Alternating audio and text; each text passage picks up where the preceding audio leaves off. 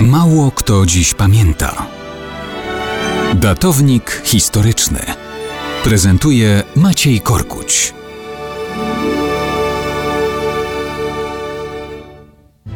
Trudno, abyśmy w 30 lat po wyborach 4 czerwca 1989 roku powiedzieli, że mało kto o nich pamięta.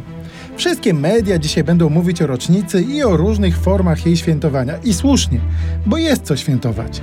Werdykt 4 czerwca otwierał nam drogę wyjścia z komunizmu, tak naprawdę wbrew okrągłostołowym ograniczeniom. Dzień ten miał bowiem dwa wymiary. Jeden był wymiarem wyborczym, przypisanym do okrągłostołowego kontraktu. Drugi możemy nazwać wymiarem plebiscytowym. To nie były wolne wybory parlamentarne, tylko do Senatu można było obsadzać w wolnych wyborach 100% miejsc.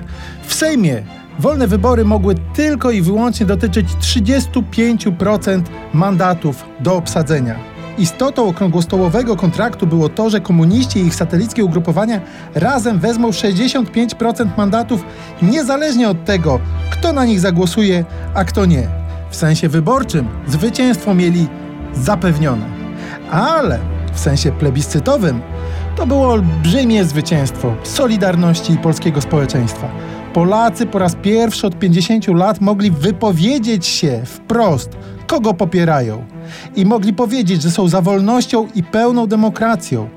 Głosując niemal w 100% na kandydatów Solidarności do Sejmu i Senatu i masowo skreślając wszystkich kandydatów PZPR, ZSL i SD, pokazali komunistom prosto i wyraźnie: ich narzuconej przez sowieckie imperium władzy nie akceptują i nie chcą. I pod tym względem zwycięstwo 4 czerwca było miażdżące.